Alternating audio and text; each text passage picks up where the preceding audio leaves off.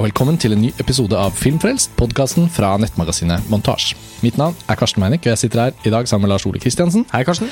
og Martin Sivertsen. Hallo. Hei, Martin. Vi har nettopp vært på filmfestivalen Kosmorama i Trondheim. Og i den første episoden fra festivalen så gjorde vi et liveopptak på Kafé Ni Muser i Trondheim, hvor vi diskuterte masse forskjellige typer film, filmer vi hadde sett på festivalen. Og i denne episoden skal vi gå litt nærmere inn på én spesifikk film. Eh, Vi skal snakke om animasjonsfilmen 'Loving Vincent'. Og Lars Ole, dette er jo en film med et ganske sånn originalt på en måte, hva skal vi si, uttrykk og litt sånn buzz. Det man har hørt om filmen før man har sett den, er som regel det samme. Ja, altså filmen ble jo nominert til Oscar. Det er en polsk eh, produksjon i utgangspunktet. Eh, og et innmari ambisiøst prosjekt hvor man har brukt en såkalt sånn rotoskoping-teknikk, eh, som man kjenner fra f.eks. 'Waking Life' av Richard Linklater, eller 'A Scanner Darkly', som man også gjorde med den eh, på samme måte. Eh, hvor man da altså på en måte har Man har brukt skuespillere til å Til å Gestalte manuset, kan man si. Ja. ikke sant? Mm. Eh, En fortelling om eh, fra etter eh, van Gogh sitt liv, men med en del tilbakeblikk til den siste fasen av livet til den berømte nederlandske billedkunstneren. Og eh, man har da eh, I alt så er det da 65 000 bilder som man har malt oppå etter van Goghs veldig sånn spesielle teknikk, som jo ligger et sånt sted mellom ja, impresjonisme, pointillisme, nesten. Eh, som er helt sånn idiosynkratisk. Ja. Og man har da på en måte eh, rett og slett forsøkt å gjenskape eh, van, van Goghs eh, måte å male på, for å fortelle historien om, eh, om van Goghs selvmord. Eller Ja. var det et selvmord? Det er jo Det er nesten som et mysterium faktisk hvordan plottet rulles opp her. Og, og uttrykket som du beskriver det, er jo da også liksom oljemalerier, sånn som du sier, da, eh, animert i rekkefølge i såpass stor hastighet at på en måte selve uttrykket skaper en sånn tilleggsbevegelse i bildet, nesten så det kryr litt i hver strek, fordi van Goghs eget uttrykk var jo på en måte såpass grovt. da. Ja, for den rotoskoping-teknikken. Jeg Jeg liker liksom å tenke på det som en slags sånn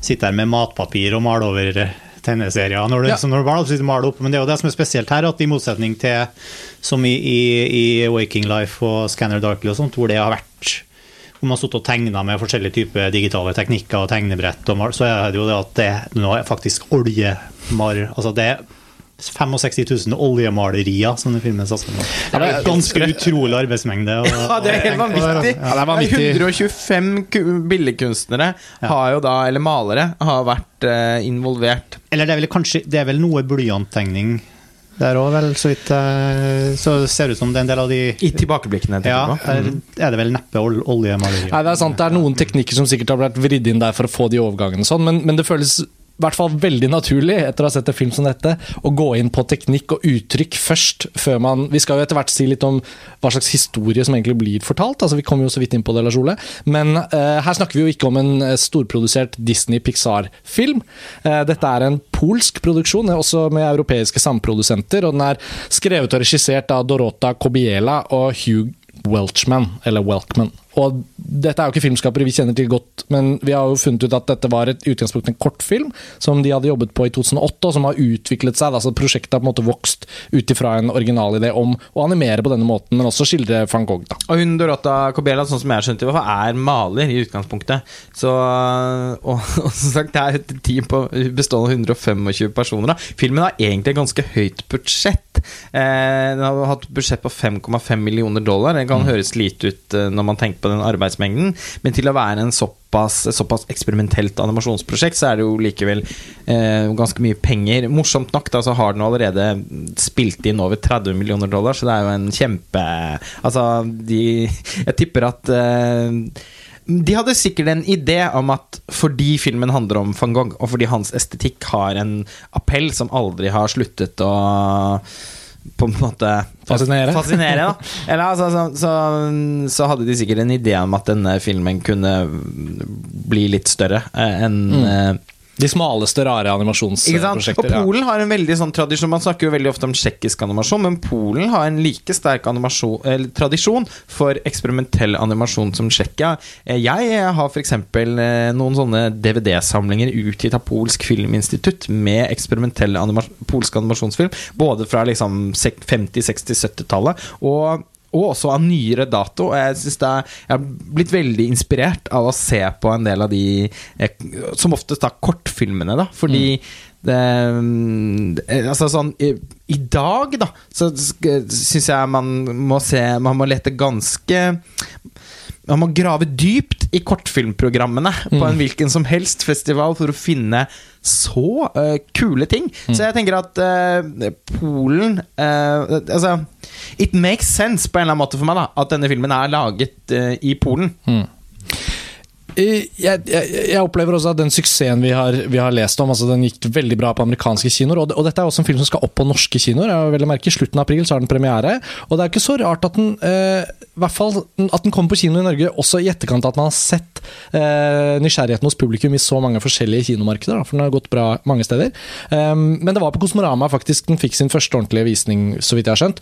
På, om ikke den har, blitt, den har kanskje blitt vist på noen animasjonsbransjefestivaler, men på Kosmorama så kom den ut i et vanlig norsk festival- eller kinopublikum. Da. Og jeg føler jo en av filmens absolutte styrker er nok kombinasjonen mellom wow-faktoren. Altså Man blir veldig nysgjerrig på å se dette uttrykket. Oljemalerier animert.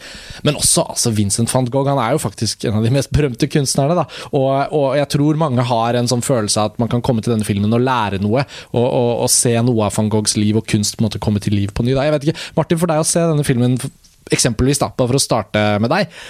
Ditt forhold til van Gogh og det å se Følte du at du lærte noe mer om, eh, om Vincent van Gogh? Ja, jeg kan ikke så mye om Vincent van Gogh fra før. Jeg kunne ikke så mye fra før. og jeg, vet egentlig ikke om jeg kan så veldig mye mer etter å ha sett den filmen her heller. Men, eh, men ja, jeg følte absolutt at jeg, jeg ble også mer nysgjerrig av, av å se filmen. Og, og, og lærte mye, og fikk jo se mye Jeg har forstått det som at eh, de aller fleste scenene og, og bildene her er inspirert av, uh, mal, av malerier som van Gogh har gjort. Mm. Uh, Og jeg kjente jo igjen mange av dem. Uh, Og noe av det som jeg visste var van Gogh-malerier, noe jeg ikke, som jeg visste jeg hadde sett før, men ikke nødvendigvis Mm. kobla til van Gogh. Og, ja. Men, så men forhold, jeg har ikke noe spesielt forhold til van Gogh. Men, men jeg må jo si at jeg er veldig glad over at, å høre at filmen blir satt opp på kino og liksom blir gjort mer tilgjengelig. For det er jo en veldig Vi skal sikkert gå inn litt på hva som kan sies eh, om filmen for øvrig, men det er jo en veldig severdig film. Mm. Fordi at selv om vi har sett denne type teknikk før, litt som vi nevnte i filmene til Richard Linklater og sånt, så er det jo fortsatt en sånn ikke veldig det er ikke en type uttrykk man ser ofte, og i hvert fall ikke her som sånn maleri eh, eh, sånn, så, det, så føles det fremdeles som en veldig sånn frisk og ny, eh, ny måte å lage film på. Da. Mm. Og det, det syns jeg også på mange måter det, var, det er jo det som utvilsomt er filmens store styrke, at den har, den har det her uttrykket som er ja, ganske fantastisk på mange måter. Mm. Ja, det tenker jeg at eh, Jeg syns ikke eh, jeg, Ja, jeg er på ingen måte ukjent med, med van Goghs eh, liv og, og hans arbeide, men, men han er ikke noen sånn stor personlig favoritt for meg.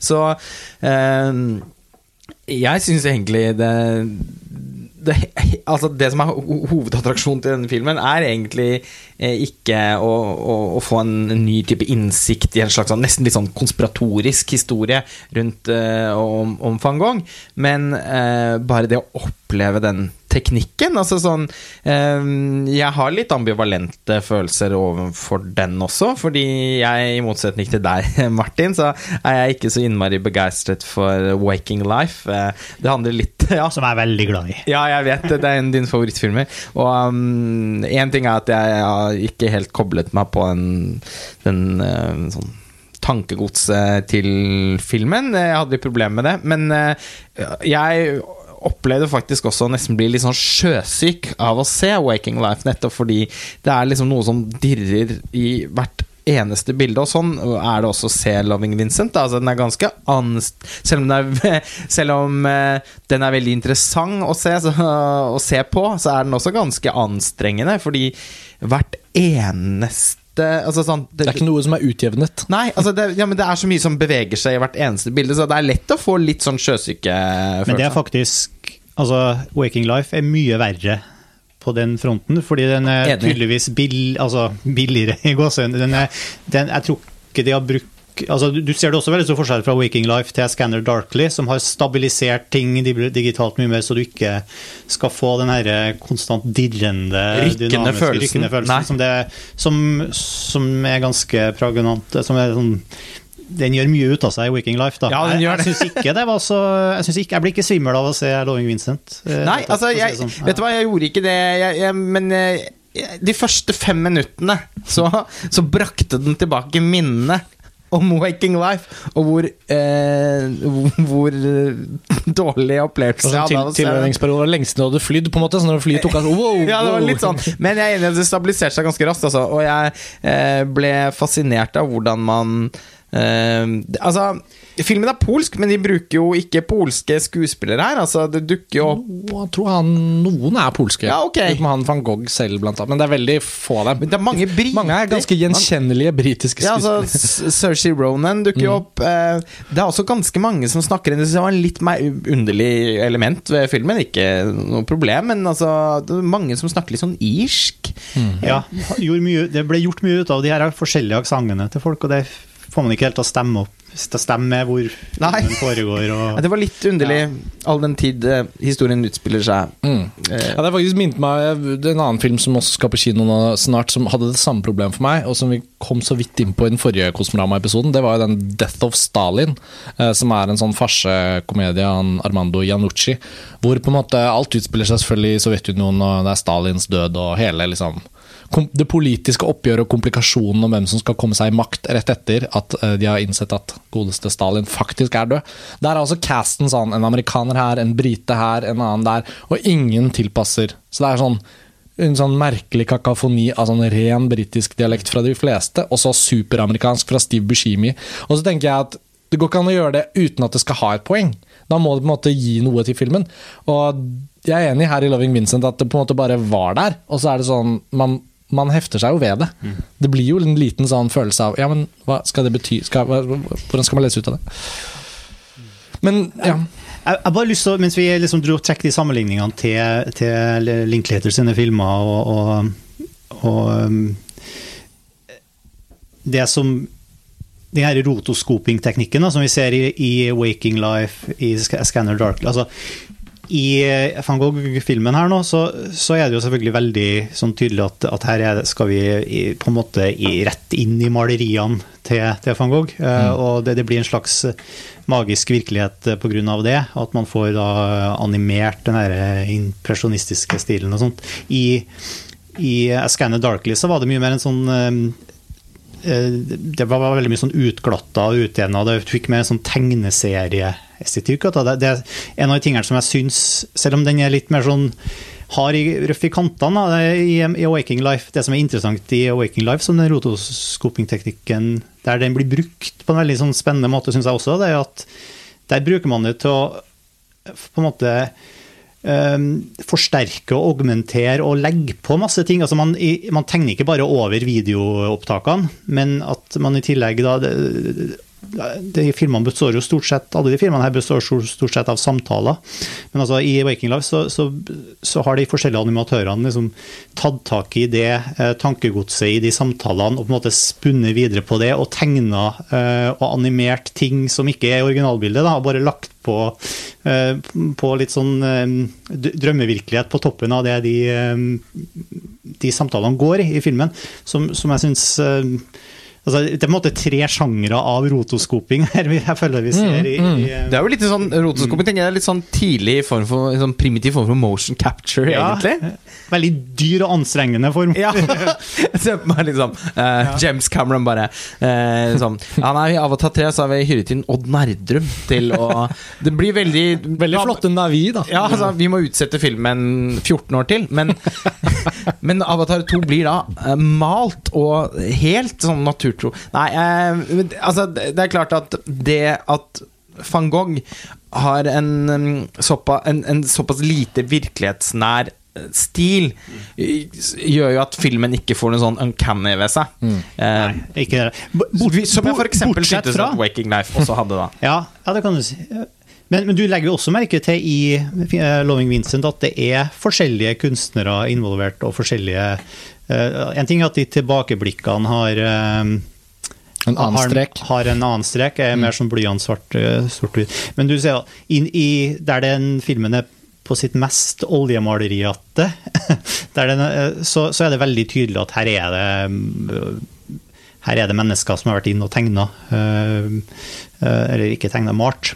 Mens i, an, i noen sekvenser i filmen så er så, så kan det, selv om det da angivelig der også er liksom um, blyantskisser og, og sånn nitidig håndtegna, så kan det delvis også bare se ut som det er lagt på et slags Photoshop-filter på noen av scenene for å få den her effekten. Så det blir sånn um, Det er jeg enig i. Ja. Og det er noen scener her hvor jeg tenkte at det var så tett på å føle å være et filter oppå noe som var filmet på video, at jeg liksom tenkte nå var det liksom ikke like kult. Jeg syns ofte filmen var på sitt beste når det var åpenbart at det, det faktiske bildet til van Gogh som hadde inspirert en scene vi så. Det er jo noen scener hvor de rollefigurene på en måte forlater bildet, og så lander bildet litt på noe. Og så tenker man det er der. Det var van Gogh. For jeg kjenner heller ikke van Gogh godt nok til at jeg da kan identifisere akkurat hvilket. Men man ser at noen steder så, så liksom la filmen litt, eh, tillater et poetisk øyeblikk hvor man på en måte hviler på noe. Da. Og det syns jeg var av de bedre øyeblikkene når man på en måte skal Det er ganske heftig noen steder som du i og for seg var inne på, der, Martin, at det er noen steder hvor man liksom kan se klattene. Ja. Det er ganske heftig, syns jeg. Da er det nesten filmen er på sitt flotteste. Ja, jeg, når du, for da får du en ja. sånn taktil følelse av eh, et oljemaleri eh, som ligner det å stå eh, Altså forskjellen mellom å å se et oljemaleri gjengitt i en bok, eller se det live, holdt jeg på å si, i et, eh, på et museum eller et galleri, hvor man kan på kloss hold liksom da bare være noen centimeter unna malingklatten og få en helt sånn spesiell følelse eh, av det. Mm. Det er jo noen sånne filmer som har vært inn på sånn lignende territorium før, som ikke har spesifikt vært ro- rotoscoping-filmer. Det var den der, Jeg husker den derre Jeg husker hvert navnet på én, men navnet husker jeg ikke navnet på. Det er med Robin Williams, som var 'Dreams May Come'.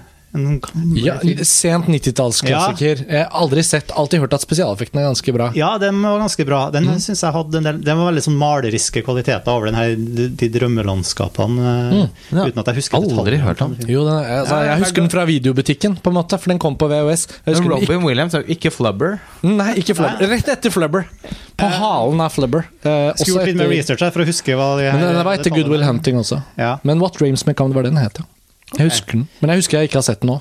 Veldig verdt å søke opp. for det. Og så var det ikke en sånn eh, film bare for, eh, for nyere, nyere film, som også animerte eh, veldig sånn sak, eh, saktegående, kunstnerisk, visuell altså som, Hvor animerte, klassiske malerier var en del av, eh. Ja. Jeg husker ikke helt hvilken det eventuelt er. eh, Du kan jo se om du kan få sjekket opp eh, mens vi snakker nå, men det eh. Jo, men jeg tror, jeg tror i hvert fall at eksperimenteringen innenfor dette er noe vi kommer til å se mer av. Åpenbart, altså, Særlig når Loving Vincent er en så stor suksess. Altså, jeg tenker uh, Og en kortfilm for meg, så Ja, altså, har dette eksistert i Jeg skulle til å si det i stad da du var inne på det med kortfilm, at det irriterende er jo at de feteste eksperimentelle animasjonsteknikkene De utspiller seg i kortfilm fordi Ja. det er så tidkrevende og kostbart Ja. at du kan som regel kanskje lage ti minutter, og, that's it. Ja, og, fordi når det noen får så kompromissløst at Nettopp. ikke noen sånne Nettopp. tanker om men, men, ta, jo, men, men ta, sånn, ta den animerte filmen inni Harry Potter der, for Ja, eksempel. det det var helt utrolig. Ja. Og da tenker man, hvorfor får man ikke få se Nei, det var, og så var det sånn på en måte, den var, den var jo støttet opp av at den var inni en Harry Potter-film, så det er litt sånn dere kan få kunstnerisk frihet fordi dette blir bra uansett. på en Den måte. er til gjengjeld Eh, helt rå. Ja, ja, ja. Og så, dette er ikke animasjon, men sånn som de, sånn ska, denne sekvensen inni Noah til Darren Aronofsky, Ja, eksempel. Som også er helt sånn utrolig. Og man kan se noen steder at det gjøres. Og, til, og i fortekstsekvenser kan man også se i en TV-serie eller film eller sånn, Mm. ser man plutselig litt sånn sykt fett uttrykk, men bare der, da. Og så Men- blir det ikke kult igjen men, senere. Nei, fordi, men så kan man jo diskutere litt frem og tilbake da, altså sånn før man eh, etterlyser eh, den type eksperimenter i langfilm for kinofilmformat. At ofte Ja. blir man jo også mett Ja, etter 10-20 minutter og- med noe med sånn aggressivt eksperimentell eh, animasjon. Når det lykkes i, eh, i 'Loving Vincent', eh, handler jo det også litt om at eh, Jeg syns både det er filmens styrke og svakhet. At uh, den er så konvensjonelt fortalt. Jeg skulle ønsket meg at filmens uh, At filmen fortalte mer med tablåene sine. For den er ganske dialogdrevet. Og mm. rett og slett ganske mye sånn shot reverse shot mellom nærbilder som snakker.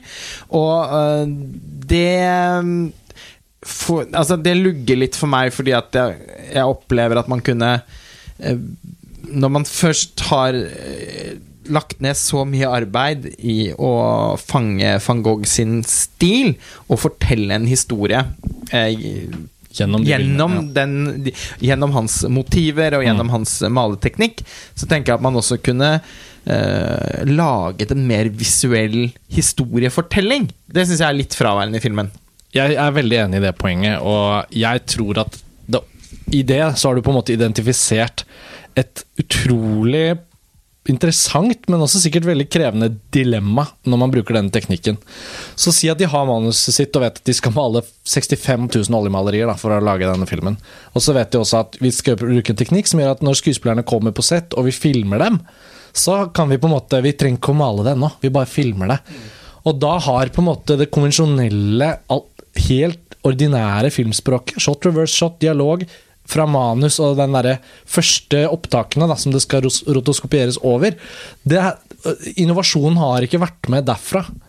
Sånn at, eh, sånn at når du da skal animere på en scene som er klippet shot reverse, for det var sånn det ble, så er det jo det du lager, da. Og det er et kjempeproblem, fordi det du etterlyser, tror jeg de helt fint kunne gjort. Ja, fordi jeg føler at man har på en måte malt over en ganske konvensjonell film. Ja. Eh, og resultatet blir jo da på en måte langt mer eksperimentelt og interessant enn eh, hvis man hadde skrapt vekk eh, malingen. Og, ja. Men hvorfor sier vi at maleklatten og sånn er det mest spennende? Jo, det er fordi at det er der det bryter med et eller annet Det er jo litt sånn, polert. ikke- Ikke bare er det ganske konvensjonell film, men jeg oppfatta han også altså jeg, Møtet mitt med filmen var jo veldig at jeg ble først veldig overvelda og imponert. Jeg synes, å ja, veldig gledelig tent på filmen da, eh, i starten.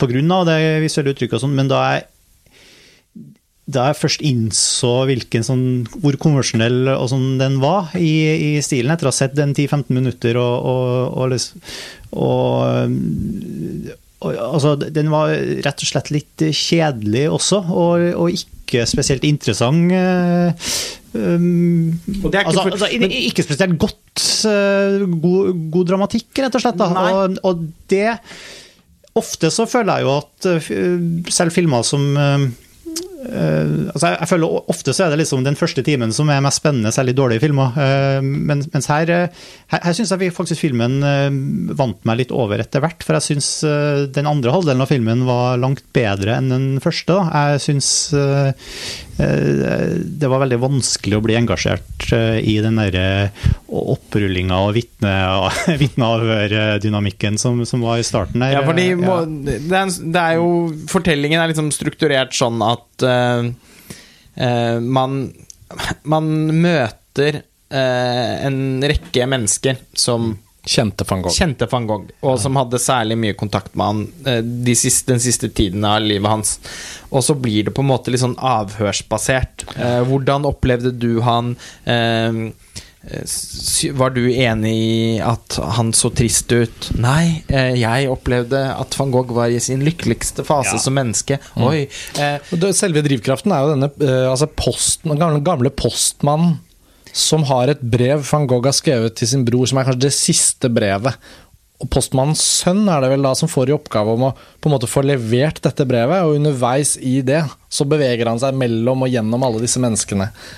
Jeg tror litt av problemet er at den bruker veldig lang tid til å komme til noe som gjør at man kommer til, til van Gogh. Da. Det handler om det handler til liksom personen og mannen og, og liksom kunstneren. Og det, kommer en, det følte jeg kom en del på slutten, altså når man fikk en del eh, lest opp en del brev som han har skrevet, og at man får liksom At det blir gjort et, hvert fall et forsøk på å komme inn i hva det er som driver en mann. Så er det som gjør han så plaga, hvorfor maler han som han gjør. og det, det, det er veldig lite av det i filmen, og det meste av det kommer på slutten. Da. Um, og det er vel kanskje, til tross for at filmen har så mye estetisk av van Gogh i seg, så er det ganske sånn lite om van Gogh sjøl i filmen. Og det er kanskje det som uh, Det virker også som filmen ikke ja. helt klarer å bestemme seg for om van Gogh allerede er i ferd med å bli en litt sånn myteomspunnet skikkelse, Ja. eller om han er, som vel er, ligger nærmere sannheten, ganske ukjent. Altså, eh, han lyktes jo ikke så lenge han levde med å eh, Altså, han ble jo ikke anerkjent, eh, og var vel av mange, tror jeg, betraktet som en slags vits.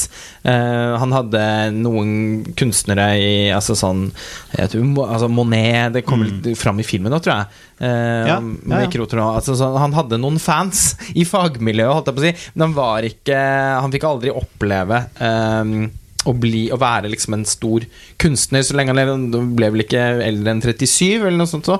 Det er utrolig å tenke på, på en måte at han, at han var så ung da han eh, ja, tok sitt eget liv. Eh, og, og, Eller gjorde han eller gjorde han det? ikke? Fordi men, filmen men, men altså, det mysteriet er ikke så for det er fascinerende. ikke det. Om det var mord eller selvmord. Det er ikke spennende egentlig det hele tatt. Og det er ikke spennende nok til å drive eh, en time av filmen, i hvert fall. Nei. Nei. Men jeg vil si, fordi i stad så sa jeg at eh, Jeg må på en måte lande dette her litt, fordi jeg sa at, at filmen er fortalt på en så konvensjonell måte, er på en måte både filmens absolutte svakhet, men også en slags styrke. Ja, for du bare snakket om svakheten. Ja, for det, det jeg tenker på, da, er en eh, Altså Hvis jeg liksom løfter blikket litt, så tenker jeg at det er noe av årsaken til at filmen har eh, funnet et publikum.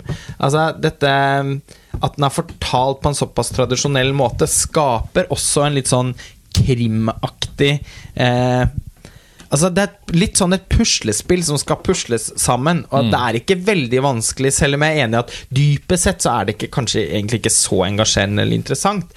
Men det er ganske sånn lett å følge med på og eh, fra samtale til samtale huske hva den forrige sa. Selv begynne å liksom legge sammen disse brikkene for å løse mysteriet om hva som skjedde rundt van Gogh sin død. Jeg tror at det er en type, eh, for, type fortelling som i og for seg har litt sånn bred appell, eh, og som, som gjør, tror jeg, at når folk når på en måte litt mer sånn vanlige kinogjengere velger å gå og se denne filmen fordi den handler om van Gogh, fordi det ser utrolig ut at den er animert med eh, på en måte med van Gogh sin stil, så spår jeg at mange også da vil, etter å ha sett den, tenke at at den hovedsakelig var en sånn litt sånn altså besnærende og enestående film, altså kinoopplevelse, men også at Men så var det noe litt sånn artig å følge med på også. Så det er jo spennende, dette Alle som kjente ham, men de, det virket jo som alle hadde forskjellig inntrykk av hvem han var, og,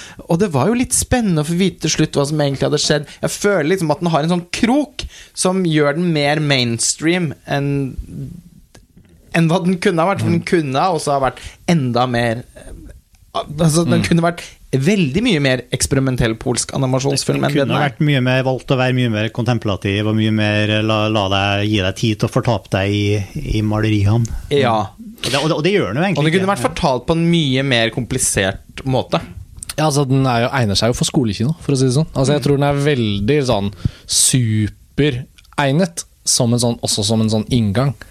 Eh, Vi snakket jo om det da Tenk alle kunst- og håndverklærerne. Ja, ja. I dag skal vi Fordi- se en veldig husk, spennende film om Men husker du deg selv som sa om Lumière-filmen at denne kan filmvitenskap Ja, det- forelesere bruke i all fremtid Ja. hvis man skal snakke om pionerfilmene. Da. Og det er jo litt det samme med et prosjekt som dette. Ikke bare har du en fortelling som tar for seg en, en, altså van Goghs død og mysteriet og sånn, men du har også uttrykket på lerretet.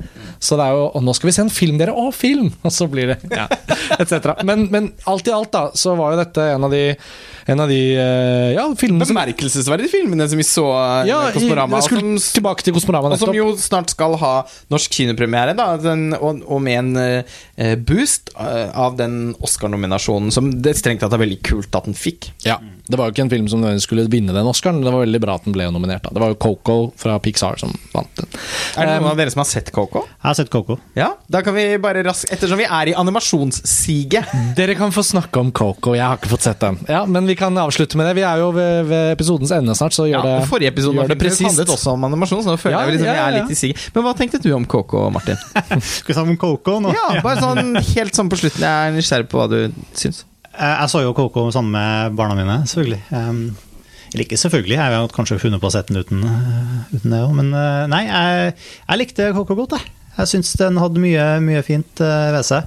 Den, særlig mye, mye, mye fin musikk. Mm. men Nei, jeg, har ikke, jeg har ikke gjort meg noen dype tanker om, om KK egentlig. Så det er jo en sånn Det er ikke på langt nær den sterkeste Pixar-filmen jeg føler jeg har sett, for å si det sånn. Jeg, jeg syns ikke den er i nærheten av å spille på de, samme strengene som, som Toy Story eller, eller eh, rør ved det, men eh, Eller Inside Out. Eller Inside, Out- Inside Out syns jeg kanskje Den var også veldig god. eh, Men, Ja, den syns jeg er blant de beste eh, Av de nyere. Ja, det, det, det syns jeg er den beste da av de nyere. For meg har det liksom vært uh, The Incredibles og Toy Story og, og, og nå Inside Out og Wall-E. Mm, Men- ja. Men jeg føler liksom at KK sliter litt med liksom, Det er en veldig sånn høykonsept, da, og kanskje litt eh, Det går litt sånn, litt sånn over the top på, på så, mye, så mye konsept at, eh, at, at det er kanskje litt for mye for, filmens eget beste, men den er utrolig heftig audiovisuell, altså. ja, det er jeg enig i. Mm. Den er veldig en sånn a ride. Men eh, jeg syns nok også Jeg synes det er en, en mellompixar. Jeg ble kanskje bitte, bitte lite grann skuffet, fordi jeg Det er ikke det. Kritikermottagelsen speiler jo egentlig at det er en Altså, en en Pixar-film på mellomnivå er uansett et veldig høyt nivå. Men eh, jeg hadde kanskje forventet å bli mer rørt av filmen. Det er ryktet jeg har hørt, at den er veldig gripende, og at den også tar opp en tematikk, litt alvorlig tematikk rundt døden og sånn. Da tenker jeg liksom up, Ja, men- se opp ja, med den rørende, fantastiske historien. at den de- gjorde det. og familie, og det liksom, det kan, my- du kan trekke mye ut av den, tror jeg, hvis du har lyst.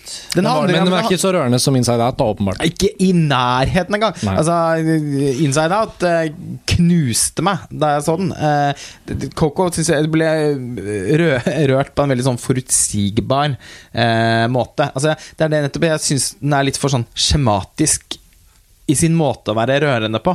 Og jeg, synes, jeg hadde forventet at den skulle handle om døden på en måte helt annen måte enn den gjorde. Det, jeg syns ikke den handlet om det i det hele tatt. Det den handlet om, er viktigheten av å minnes og, og, og, og, ta vare på minnene om menneskene som er borte, og at man skal på en måte hver dag huske på at eh, oldeforeldrene dine, besteforeldrene dine eh, altså sånn at, at Jo, men det er jo en måte å håndtere døden på.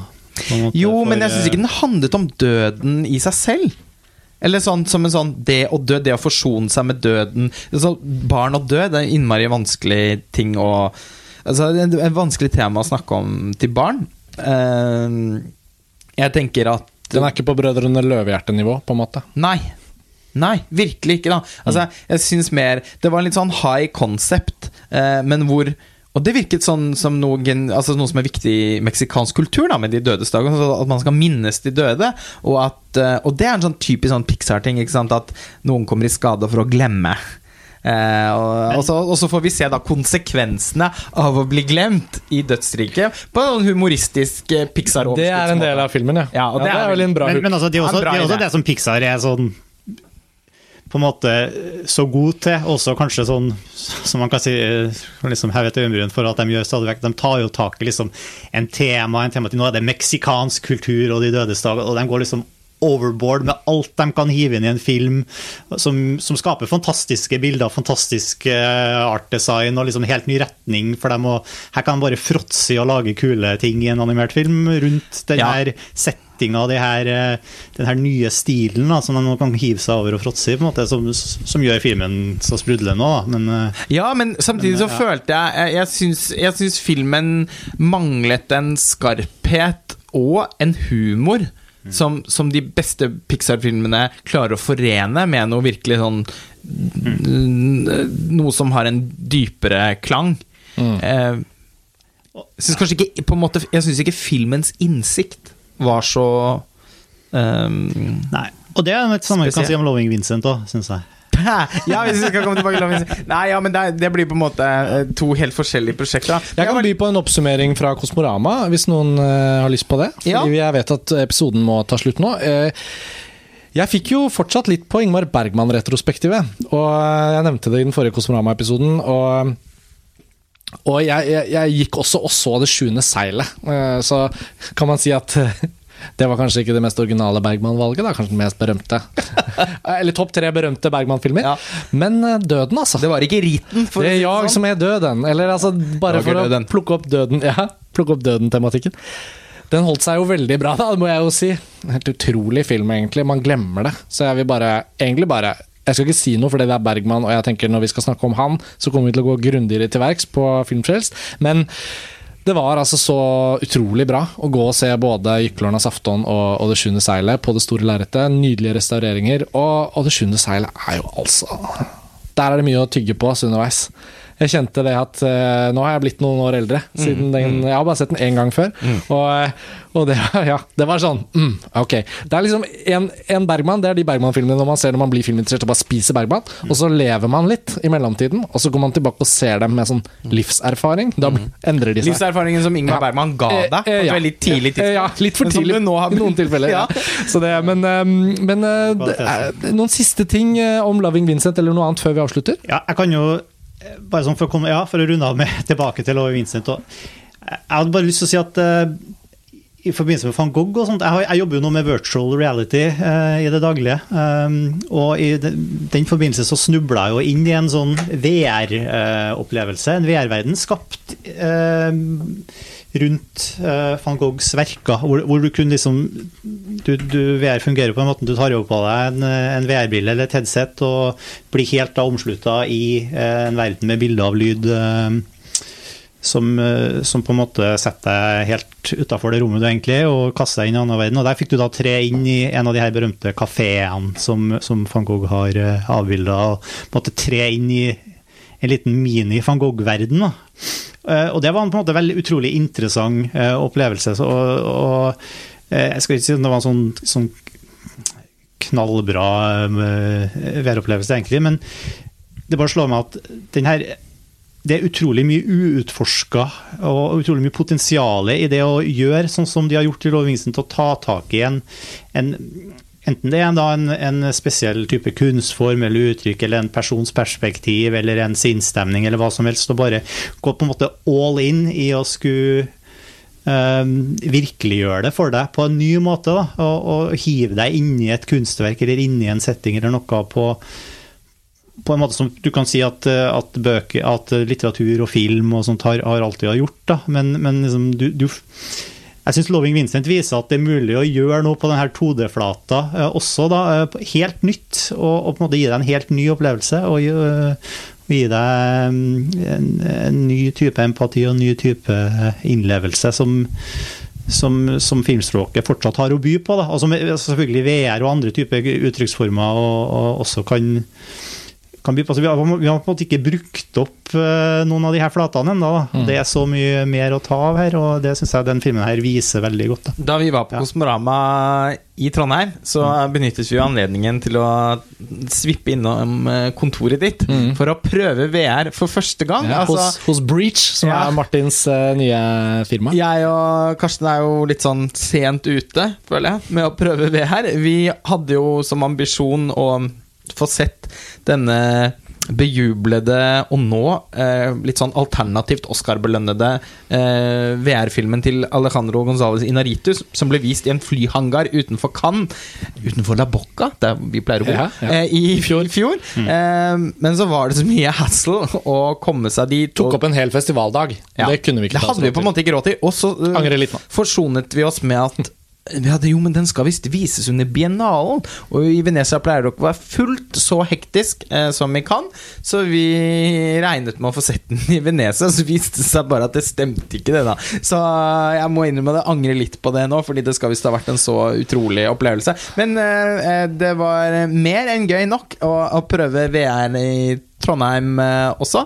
Og det er interessant å se. Jeg fikk jo blant annet se en sånn En liten fiksjonsfilm eh, som da var fortalt på en Som på en måte føltes veldig ukonvensjonell i sin fortelling, fordi at det virket som at VR-opplevelsen Altså å fortelle en historie gjennom VR på en eller annen måte. Der var det også et malt, en animert maleri, på en ja. måte. Et digitalt maleri. Ja, det var Men, veldig fascinerende. En annen, et annet, på en, måte, en annen app eller en annen funksjon i VR som også var litt fascinerende, var jo det når man kan på en måte tegne og bevege seg tredimensjonalt gjennom sin egen strek og rundt sin egen strek. Da du hadde den eh, van Gogh VR-opplevelsen, Martin, var det sånn at du på en måte da kunne forflytte deg innad i van Goghs eh, liksom, strek, kan man si det sånn? Ja, absolutt. Og da Ja. jo det, du Du vet jo at van Gogh har jo tatt eh, en 3D-verden og, Ja, og på en måte forflatet den. forflatet den. Og her har du da muligheten til å ta, ta van Goghs eh, 2D-verden og, og gjø, igjen da eh, gjøre den til en, til en dybdeopplevelse. Og det var, det var veldig fascinerende eh, i seg sjøl. og, og den peker bare på nok Altså, du, du kan tilføre nye, nye dimensjoner i, i ikke bare digitale, nye sci-fi-flater, men også det er en veldig Jeg tror formidlings- og eh, formidlingsevnen til, til både til film, men også ikke minst til VR og ny teknologi, og sånn, til å ta tak i ting som ligger bak oss, da, er, er veldig stor. Da, til å grave i historien på nytt, og grave i, i gammel kunst på nytt. Og, Og så virker det oppriktig talt som at mye av dette ikke kommer til å utelukke det andre.